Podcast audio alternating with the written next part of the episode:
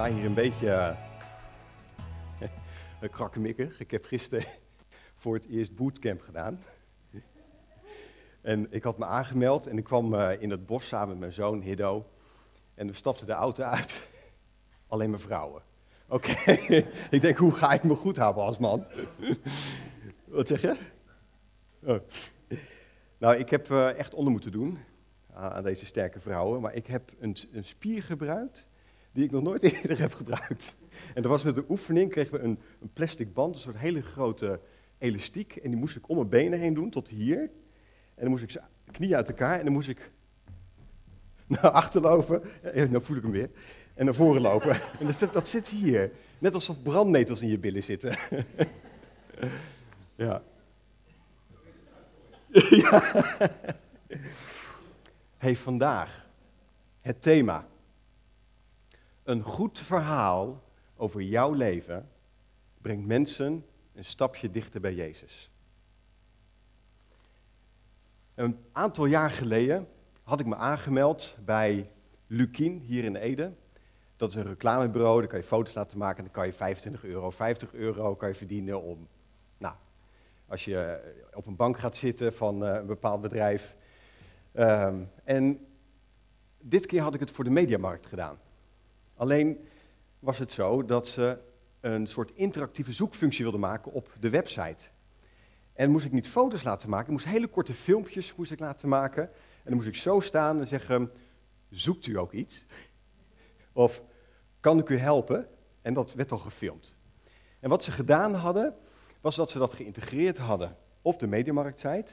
En dat als mensen dan aan het zoeken waren, dan kwam er automatisch kwam ik tevoorschijn, zo. Ding, kan ik u helpen? Kunt u het vinden? Op een gegeven moment een, een, een uh, iemand in een andere gemeente die ik kende, die komt naar me toe. Hij zegt, Maarten, ik ben vannacht wel zo verschrikkelijk van je geschrokken. Ik zeg, van mij geschrokken? Ja, zegt hij. Ik ben een, uh, een, avond moest ik uh, spelen, muziek spelen en ik zit thuis, ik pak een, een flesje bier en ik ga lekker een biertje drinken gewoon op de bank. Het was een beetje donker in huis. De kinderen sliepen. Mijn vrouw lag op bed. En plotseling hoor ik heel hard: Kan ik u helpen? en wat er gebeurd was, was dat hij zijn computer aan had laten staan. Zijn vrouw de mediamarkt had bekeken. En omdat er niks gebeurde, dus ik door zijn huis heen riep. Daar zat hij vast niet op te wachten. Op of ik hem kon helpen. Of dat hij aan het zoeken was. Misschien ken je het wel is dat je op straat loopt en je ziet in de verte van die mannen of vrouwen met een jasje aan en je denkt, oh nee, die gaan mij wat verkopen. of het nou een krant is of het voor een goed doel. En dan merk je bij jezelf een bepaalde weerstand. Oké, hoe ga ik het zeggen? Ga ik heel assertief zijn? Nee, ik hoef niks. Of ga ik een bochtje om, neem ik die andere straat of ga ik die winkel in? Misschien ken je het ook wel, dat als je s'avonds op de bank zit en door zo'n telemarketeer wordt gebeld en dat hij zegt, nee, maar het is niks om te verkopen hoor, maar uh, kent u dit ook? En dat je aan alles voelt, hij probeert me te overtuigen om iets te kopen. Dat geeft weerstand. En zo is het ook soms misschien in ons leven als wij iets over Jezus willen vertellen. Voor, toen ik net tot bekering kwam, had ik een enorme passie voor de Heer Jezus. Dat herinner je misschien nog wel, dat als je net tot geloof komt, dat je helemaal blij bent en dat je dat van de daken wil schreeuwen. En ik deed dat op, de, op een manier dat ik de straat op ging en mensen echt concreet aansprak, kent u Jezus ook? Dat was mijn manier van mensen over Jezus vertellen. En daarbij had ik altijd het gevoel, oké, wat ik nu doe, wat ik nu ga zeggen, dat moet wel zo goed zijn dat ze nu op hun knieën vallen en hun leven aan Jezus geven. Ik had altijd dat gevoel van nu moet het gebeuren. Het is nu of nooit. Ik herinner me één voorval van een man. Ik liep in Elburg en ik stond op straat en daar was een afvoerputje, kom ik zo op terug. En ik zeg tegen die meneer, meneer, kent u Jezus ook? En die meneer die, die kijkt naar het putje en zegt, zie je dat putje ook? Dan stop ik je zo met Jezus in, als je niet oppast.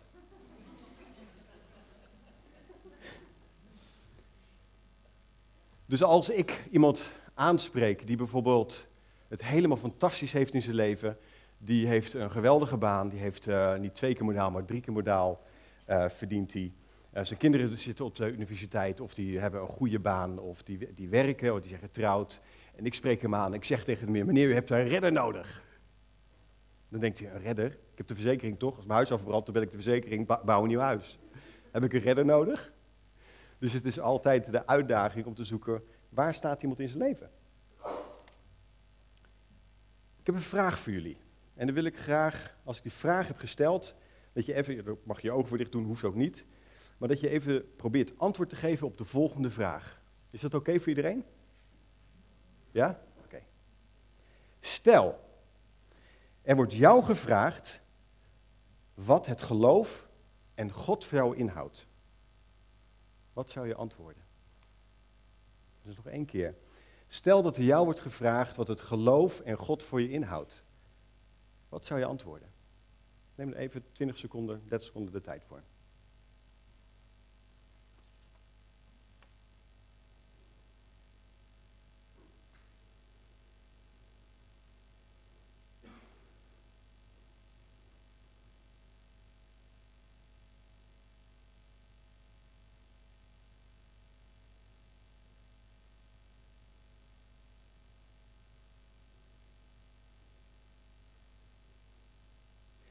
Hoor je in jou zo piep, of niet?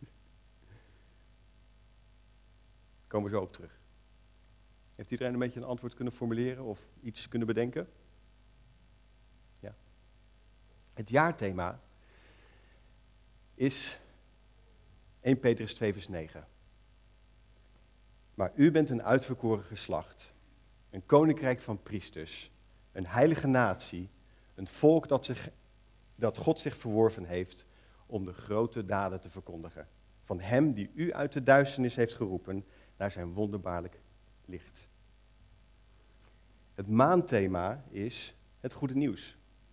We hebben Salvo gehad en Salvo heeft verteld aan ons hoe we persoonlijk in mensen hun leven iets kunnen zeggen, iets van God horen, waardoor mensen misschien veranderd raken. Alfons heeft vorige week gesproken over wie Jezus is. En wat deed Jezus eigenlijk in zijn leven en wat kunnen wij daarvan leren om mensen te benaderen. En vandaag wil ik eigenlijk met, met jullie even door een aantal Bijbelteksten. En met het thema, een goed verhaal van jouw leven brengt mensen een stapje dichter bij Jezus. En ik heb ervoor gekozen om niet ontelbare verhalen te vertellen over die ik met mensen heb meegemaakt, over dromen uitleg, genezingen, op weet ik wat allemaal, mensen zelfs die bekeerd zijn. Ik wil graag samen met jou vanochtend nadenken over hoe jij dat zou kunnen doen op jouw manier.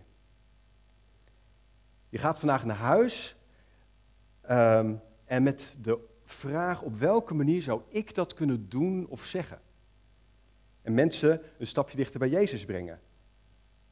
Je zult bemoedigd naar huis gaan.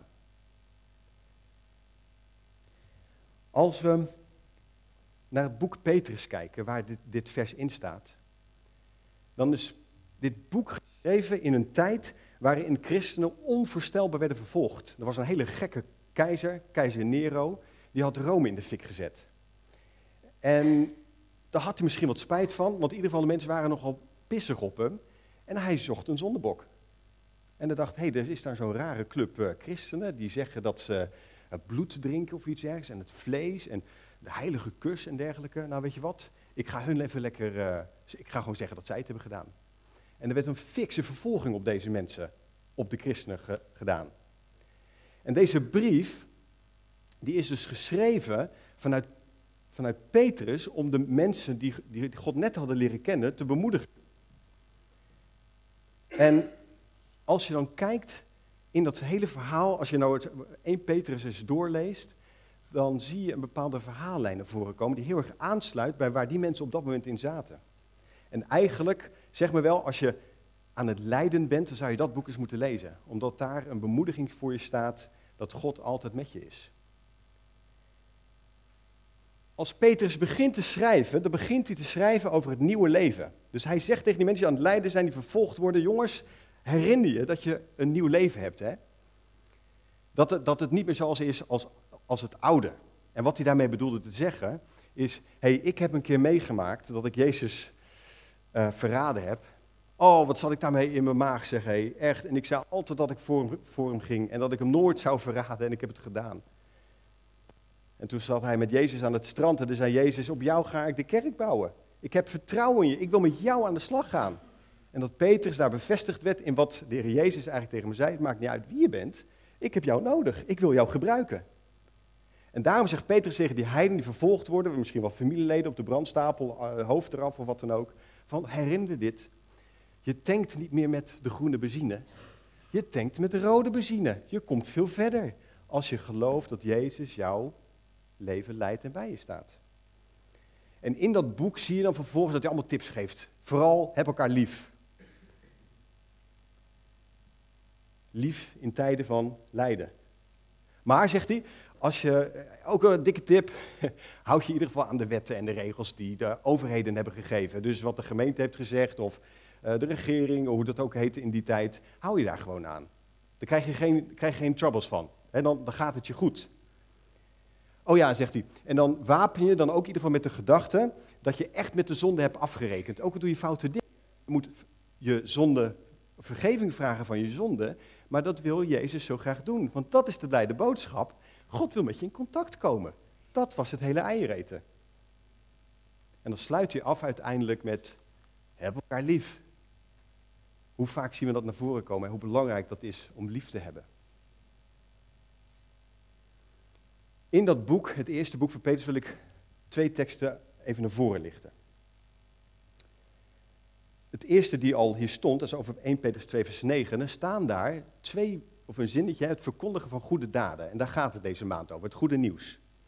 En eigenlijk, als, als je kijkt naar het grondwoord van verkondigen, ik zal uh, de Griekse, het Griekse woord achterwege laten, maar dan betekent dat eigenlijk van toe maar, vertel maar komt best goed. Een soort van, dat wat je ervaart in je, in je hart, vertel dat maar. En dat vertellen van de goede werken van Jezus, hè, van de, de wonderbare werken, dat zou je ook daden kunnen noemen. Als je dan in de grondtekst kijkt, dan staat er eigenlijk niet zozeer de genezingen, van hij kan genezen, dat kan niet. Maar het gaat over deugden, over hele goede eigenschappen van God. En die eigenschap is dat God graag wil genezen. Dus het is niet een soort van, uh, trekt u maar een nummertje en u wordt genezen. Nee, hey, weet je, God geneest. Het is hetzelfde wat Jaap en Bini net hier deden. Die staan hier en die vertellen iets over hun leven, wat ze met God doen. Dus zij vertellen gewoon, hey, dit willen wij graag doen. En dus als zij mensen tegenkomen en die vragen, hey, waarom draag je op? Dan verkondigen ze de grote daden van God. Want ze zeggen, God is met ons mee. En wij ervaren dat we gewoon goede ouders zijn in God. Natuurlijk maken we fouten. Maar we ervaren de leiding van God in ons leven. Ik weet nog heel goed dat ik, uh, een aantal jaar geleden was ik in uh, Noorwegen. En Mike en ik liepen in een winkelcentrum. En ik ging schoenen kopen. En ik zie daar een schoenenverkoper met een gebroken arm. Overduidelijk, dik in trips. En ik kreeg echt het idee, ik moet voor die man bidden hij gaat genezen. Dat, was gewoon een, en ik was heel erg bezig met van wat wil God nou in mijn leven en hoe kan ik dat nou toepassen. Dus ik met een uh, kloppend hart in mijn keel loop ik naar die man toe. Ik zeg, uh, hoi, uh, ik ben Maarten. ja, ik ben Michael, zegt hij. Um, ik zie jouw arm. ik ben christen. ging alles door elkaar. um, misschien een beetje raar. Um, maar God kan genezen, mag ik voor je bidden? Ja, best. Ik geloof nergens in, maar prima, doe maar. Ik, toen dacht ik, oké, yes. dus ik sta in die winkel en ik leg mijn hand op zijn arm. Er gebeurt echt nul. Helemaal niks. En ik vraag nog, ervaar je wat? Nee. Nee. Dus ik loop die winkel uit en ik baal. Ik denk, wat is dit nou? Is hij gewoon niet genezen? Ik, ik wil van de deugden van God vertellen. Dan, dan, dan gaat God toch genezen? En een aantal weken later, ik denk vijf, zes weken later, was ik, ik was eh, terug in Nederland en ik moest voortdurend aan de jongen denken. Dus ik zeg tegen Maaike, weet, weet jij nog hoe die winkel heette? En toevallig wisten we dat, want we hadden daar ook schoenen gekocht. En ik ben op zoek gegaan op internet om in Oslo die winkel met die schoenen te zoeken. En ik denk, oké, ik ga hem gewoon bellen. Gewoon vragen hoe het is, of hij genezen is. Dus ik bel en ik, en, en ik hoor zeggen met, uh, ik weet niet, winkel, met Michael. Ik zeg, uh, hey, hallo Michael, ik ben Maarten. Je weet vast niet meer wie ik ben, maar een aantal weken geleden ben ik bij je geweest en heb ik voor je gebeden, voor je arm. Is dat nog genezen? Nou, zegt dit is nu zes weken geleden, ik heb nu net gisteren mijn uh, gips eraf. dus ik dacht, oké, dus het is niet zo snel gegaan als wat ik gehoopt had. En trouwens, ja, op dit moment heb ik nu gips om mijn been, want ik heb gisteren uh, geskiet en toen heb ik mijn been gebroken. nou, weet je, we kunnen het, thema over genezing, God geneest. En er zijn, ik heb zat voorbeelden in mijn leven waarin mensen niet genezen zijn. En ik ga niet vragen waarom, maar meer wat nu. Maar in dit geval, met deze Michael, heb ik echt het idee dat het niet zozeer ging omdat hij genezen zou zijn. Maar ik heb, ben naar hem toegegaan, net zoals jij, en gevraagd, gezegd van ja, ik denk dat God kan genezen. Ik heb uitgesproken wat ik van God verwachtte. En die jongen zal dat nooit meer vergeten. Die zal denken, ja, toen ik gebeld, was een gast eh, uit Nederland of iets dergelijks. En die vroeg of, ja. Maar God, is uitgesproken. En het ging er niet om hem te overtuigen, maar om dat te proberen. Volgende dia, Marcel. Ik zou een alternatieve tekst voor 1 Petrus 2 vers 9 willen voorlezen. Jullie zijn uitgekozen door God, zodat mensen ervaren dat je bij God hoort als je met ze omgaat. Ze zien dat je een heldere kijk op het leven hebt en bewust bent van dat God altijd bij je is. Jullie zijn het gereedschap waarmee God mooie dingen kan doen. Dit betekent dat we positief over Gods eigenschappen en karakter zijn. En dit laten we zien door te gebruiken waar we goed in zijn. Hiermee vertellen we anderen dat ons leven dag en nacht verschil uitmaakt, voordat we God nog niet kenden. Volgende tekst, uh, Marcel. 1 Petrus 3, vers 15 en 16 viel me op in dat lezen van Petrus. En er staat, vraagt iemand u waarop de hoop die in u leeft gebaseerd is, wees dan bereid om u te verantwoorden. Doe dat dan vooral zachtmoedig en met respect. Als je kijkt naar het woord hoop, dan wordt er hoop geschreven in de grondtekst als zijnde, ik weet dat er hele vervelende dingen in mijn leven gebeuren. Ik weet ook dat er goede dingen in mijn leven gebeuren. Maar ik zeg, ik vertrouw op God. Dat is wat het betekent. En als er staat verdedigen, dan betekent dat letterlijk dat je, of verantwoorden, betekent dat letterlijk dat je pratend iets verdedigt. Nou, je kan alleen maar iets verdedigen in je leven, dat wat je zelf hebt meegemaakt. Als jij aan mij vraagt, zou jij bijvoorbeeld uh, uh, de eindtijdtheorie willen verdedigen? Moet je niet bij mij zijn. Weet ik niks van. Dus wat hier eigenlijk staat, dat wat je meemaakt in je leven en waar mensen je op bevragen, nou, vertel dan gewoon over hoe je erover denkt. Dus mijn kind wordt op dit moment niet opgedragen. Ik zal niet de vraag krijgen waarom ik mijn kinderen opdraag. Maar Jaap en Bini wel. En dan wordt het gevraagd en dan mag je er gewoon rust iets over vertellen. En de dikke tip van Petrus is zachtmoedig en met respect. Dikke tip. het is, ja. Grappig is, een paar weken geleden zat ik op een verjaardag van mijn zusje. Al die mensen kende ik niet. Het was een leuk feestje met lekkere muziek, lekker dansen uit de jaren negentig. was weer een soort van herbeleving. um, en ik ben met een, willekeurige man aan het praten. En ik stel wat vragen. En hij zegt, uh, ja, uh, maar ja, jij bent christen natuurlijk, uh, dus hoe denk jij er eigenlijk over? Ik had niks over de Heer Jezus verteld. Ik had alleen een, een lieve vraag gesteld over hoe hij dat doet in zijn werk en hoe hij dat dan doet met het begeleiden van zijn mensen. Maar op een of andere manier nam hij aan dat ik christen was. Nou kan je dit vertellen, ligt echt niet aan mij. En waarschijnlijk hebben jullie zat zulke verhalen ook. Maar de manier dat, waarop ik contact met hem maak, wat bij mij past, en dat hoeven we allemaal niet op mijn manier te doen, doe het alsjeblieft op je eigen manier, raakt iets in die man dat hij zei, ja maar jij bent christen, hoe doe jij dat dan?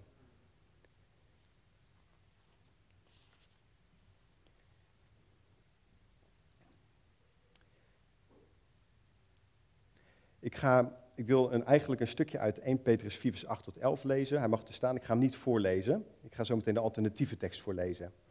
Wat mij raakte in dit stukje is dat Petrus dan zegt: um, Laat ieder van u de gave die hij van God gekregen heeft gebruiken om daar anderen mee te helpen. En in de grondtekst, het woord gave staat eigenlijk voor gunfactor of je x-factor. Uh, het is goddelijk, het is iets bovennatuurlijks. Het wordt je door God gegeven, per definitie. Dus als we Agnete hebben hier in de gemeente, die altijd voor de kinderen wil oppassen, is dat een gave die zij gebruikt, bovennatuurlijk. Ook al zouden mensen dat sowieso willen doen, Maar wat zij doet, is dat ze dat graag wil om kinderen te bereiken met God. Gewoon door wie ze is. En dat is haar gunfactor. Als ik dat zou doen, dan krijgen we allemaal overgestreste kinderen. Daar kan Ella, mijn dochter, alles over vertellen. Toch? dat gaat niet werken. En het, mooie is dan altijd om te bedenken, wat ik ook doe, er is er maar één die mensen kan overtuigen van Jezus. En dat zijn wij in ieder geval niet. Dat is Gods geest. Dus als wij, volgens mij heeft dat Oscar een paar weken geleden gezegd, als God mensen gaat overtuigen, dan laten wij wel Gods liefde zien. En dat doen we door dat, de gaven die we hebben. Dus de alternatieve tekst die ik zou willen voorlezen over 1 Petrus 4, vers 8 tot 11. Houd van elkaar alsof je leven ervan afhangt. De liefde zorgt ervoor dat je doet waarvoor je bestemd bent. Geef gewone maaltijd aan mensen die honger hebben. Laat mensen bij je slapen als ze een plek nodig hebben. En gebruik zo vaak mogelijk jouw gaven en waar je goed in bent om je medemens mee te helpen. Daar geniet God van. Ben je goed in praten, laat het dan in ieder geval Gods woorden zijn, zodat mensen de stem van God horen. Op die manier zal het overduidelijk zijn dat Jezus door je heen straalt en God is. Dan kan het niet anders zo zijn dat Hij de eer krijgt voor wat je doet. Hij geeft ons kracht voor altijd. Samenvattend zou ik eigenlijk willen zeggen, over de afgelopen 15 minuten. Vertel welke goede eigenschappen God heeft, als je dat gevraagd wordt. Leg uit waarom jouw leven anders is. Doe dit met respect. Dit is je van God gegeven. Een goed verhaal over jouw leven brengt mensen een stapje dichter bij Jezus. En zo heb ik een aantal jaar geleden heb ik op de MOA gewerkt, medische opvang asielzoekers, als verpleegkundige. En ik had daar als taak om eerste hulp te geven en spreekuren te doen voor mensen die gewoon een vraag hadden aan de dokter of aan de tandarts. En ik had een aantal maanden met een, een vrouw uit Rwanda gewerkt, Lilian heet ze, die zwaar getraumatiseerd was en twee abortus had moeten ondergaan omdat het kind overleed in de buik. Maar in haar hoofd was het weggehaald door de dokters bij, met opzet. Ze had verschrikkelijke dingen meegemaakt in Rwanda en had echt gewoon voortdurend kortsluiting in haar hoofd. Op een dag werd ik gehaald door een collega en zegt, Maarten, je moet nu komen. Nu naar het kantoor, want er is een mevrouw die ligt daar in haar eigen overgeefsel. Die ziet niet meer zitten, we kunnen haar niet aanspreken. Dus ik pak mijn eerste hulpkoffer, ik ren naar het kantoor en ik zie op de grond Lilian. Niet aanspreekbaar. Ik heb haar bij de handen gepakt en geprobeerd contact te maken met deze mevrouw. En gezegd, Lilian, kijk me aan. En gevraagd of ze pillen had geslikt, of dat er andere dingen waren. Om een lang verhaal kort te maken. Uiteindelijk heb ik tegen haar gezegd, Lilian, sta op. We gaan naar je kamer. Dan ga ik voor je bidden. En dan ga je slapen en dan kom, kom ik aan het eind van de nacht bij je terug om te praten. Met dat ik dat aan het doen was, stonden er tien collega's om me heen. Die helpen me om Lilian op te halen. En ik loop naar haar uh, slaapplek toe, of een kamer daar waar ze sliep. En ik kom terug. En ik loop mijn eigen kantoor in en de collega die me gehaald had, die zit daar. En ik denk, hé, hey, laat ik eens evalueren, eens even napraten over hoe dit gegaan is, of we dit beter hadden kunnen doen. Dus ik zeg tegen Wendy, noem ik haar maar even, Wendy, hoe vond je het gaan? En ze wordt rood. Nou, als er stoom uit de oren had kunnen komen, had er stoom uit de oren gekomen. En ze zegt, Maarten, je hebt gezegd dat je voor haar wilde bidden. Dat mag je nooit doen. En ik overdrijf nu niet, zo ging dat. Ik, ik wist niet wat ik meemaakte en ik dacht, oké, ik, ik ga proberen rustig te blijven. Ik zeg, oh, vertel eens wat. Ja, want religie moet gescheiden blijven van je werk. Ik zeg, oh, interessant. Ik, ik, ik bid eigenlijk wel vaker voor mensen. Wat? Ben je nou maar zo niet? Absoluut niet. Ik zeg, hé, hey, dat vind ik interessant. Dan kunnen we daar niet eens gewoon met elkaar als collega's over praten? Ja, nou, dat gaan we doen, maar ik ga er wel een melding van maken. Wat er gebeurde, zij heeft daadwerkelijk een melding gemaakt bij MOA Nederland. En ik werd door de directeur van de MOA gebeld of ik een, een document wilde ondertekenen dat ik niet mensen wilde overtuigen van politieke overtuigingen of christen zijnde. Meteen getekend. Ik ben niet door mensen te bekeren, als dat zo zich voordoet, prima, maar dat is niet mijn opzet. Wat ik wilde, is dat ik aansloot bij de levensbeleving van deze Lilian. En naast dat ik heel veel had haar doorgestuurd naar medische mensen en specialisten, na een aantal maanden heb ik gezegd, Lilian, het gaat niet over op dit moment. Ik weet dat je christen bent. Vind je het goed dat ik voor je bid? Ja, dat vond ze goed. Maar wel naast alle andere protocollen die ik had gevolgd. En toen kwam er een, uh, toen kwam er een discussie los. En we hebben besproken met elkaar als collega's, weet je wat we doen? Na een maand gaan we met elkaar een spiritualiteitsdag organiseren. En dan gaan we met elkaar bespreken hoe we dat gaan doen. En dat vond iedereen een goed idee. En in de aanloop naar die dag toe kreeg ik gesprekken met, een, uh, met mijn moslimcollega. Die zei van ja, nou, ik bid eigenlijk wel eens met vrouwen, uh, moslimvrouwen hier. En toen kwam natuurlijk bij mij wel de vraag, oké, okay, uh, ik, nee, het gaat hier om het aansluiten bij de spiritualiteit van mensen. En ik weet dat ik dat, dat een gave van mij is om te verbinden en contact te maken. Dus ik ga dat, ik ga dat contact blijf ik aangaan. En zo was er een man die ooit bij Jeugd met de Opdracht had gewerkt, maar er al lang niks meer deed. was nu een specialist en die werkte daar op de MOA. En die vond het eigenlijk interessant en die dacht weer na over de tijd dat hij zo enthousiast was en zo stond in zijn jongere jaren. En zo was er een, een, uh, uh, een andere arts die zei van ja, eigenlijk als ik er, uh, gevoelsmatig heb ik er wel wat moeite mee, omdat het over God gaat. Maar ja, ik moet eigenlijk zeggen, ik ben, ik ben heel erg opgevoed met yoga. Dat gebruik ik als brugzakje in mijn werk. En als iemand onrustig is, gebruik ik ook die technieken. Dus ja, dan kan ik ook niet van jou zeggen dat jij dat niet kan gebruiken. En uiteindelijk hebben we die dag gehad en weet je wat er gebeurde? Er ontstond een fantastisch gesprek. Ik heb een giga voorbereid. Ik heb allemaal onderzoeken laten zien, waarin, waarin overduidelijk werd dat het ingaan op de spiritualiteit van mensen, met name christelijke spiritualiteit, gezondheid verbeterde. Bijvoorbeeld, ik zal je één voorbeeld geven, dat bleek op een, af, een intensive, care afdeling.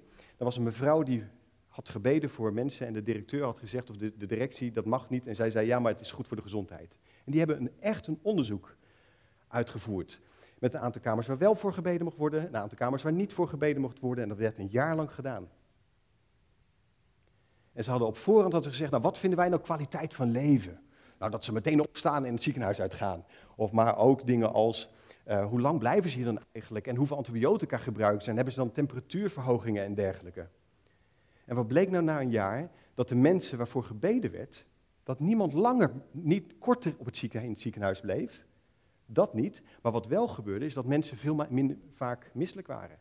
Dat ze veel minder vaak aan het overgeven waren. Dat ze vele malen minder antibiotica hadden gebruikt. En dit is één van die onderzoeken die ik zo gebruikte op die spiritualiteitsdag. En hebben we met elkaar overeenstemming gekregen over het feit, oké, als je daarvoor wil gaan voor bidden, doe dat. Klinkt mooi, hè? Een paar weken later moest ik voor een conferentie voor mijn werk naar Rotterdam. En met wie zat ik in de auto? Met Wendy. En zo kwamen we in gesprek. En ze vond het moeilijk om te accepteren dat er nu wel voor gebeden werd, maar ze moest daar dan iets mee. En toen kwam het verhaal van haar leven. Op het moment dat ik haar sprak en met haar werkte was ze 45, maar toen ze 23 was, ging zij voor de verpleegkundeopleiding naar Afrika toe. En ze kwam daarbij een christelijk echtpaar, waarvan de man tandarts was en de vrouw een specialist, of in ieder geval met een arts, een dokter. Die hadden alleen één heel raar fiepje, een heel rare overtuiging, dat ze alleen mensen zouden helpen die in God geloofden. Tot op de dag dat er een meisje van 18 jaar op de stoep staat, met een ontzaglijk kaak, ontstoken kaak, die niet haar leven aan Jezus wilde geven. Dat meisje is na drie dagen overleden, terwijl ze eenvoudig geholpen had kunnen worden door dit echtpaar. En dat had bij haar zo de deur dicht gedaan. Dus op het moment dat ze mij hoorde praten over bidden, ontstonden er van allerlei processen en herinneringen die ze had meegemaakt met christenen die een rare overtuiging hadden over wie ze wel of niet zouden willen helpen. En toen dacht ik, oh, oh Heer God, dank u wel dat ik niet in de overtuiging heb willen zitten dat we over Jezus moeten praten en dat Jezus de waarheid is. Allemaal waar, gelukkig wel. Maar dat paste op dat moment niet bij haar. Gelukkig was ik niet die telemarketeer die iets wilde overtuigen, maar gewoon in haar, met haar gesprek wilde gaan. En een paar maanden later moest ik daar weg, want ik was daar gedetacheerd. En we hadden een afscheid en we zaten in een Turks restaurant in Utrecht. Allemaal op van die sofa's en lekkere, heerlijke hapjes. En toen gingen we elkaar een bedankwoordje geven. En ik zie nog zo dat Wendy, die zit daar aan tafel, moeilijk, zwetend, en zegt, ja, ja, ik, ik, haat Chris. Ik het verschrikkelijk, echt, ik moet er niks mee te maken hebben. Maar ja, ik, ik, vind jou, ik moet toch zeggen dat ik jou wel heel erg aardig vind. is dat niet geweldig? Het is een stapje dichter bij de Heer Jezus. Ze heeft een ervaring mogen doen dat God liefdevol is. Ik heb het met geen woord gehad over de Heer Jezus. Maar zij heeft Jezus ontmoet. En dan gaan we afronden. Ik wil je een vraag stellen. Stel, er wordt aan jou gevraagd wat God voor jou betekent en waar je in gelooft. Wat zou je antwoorden?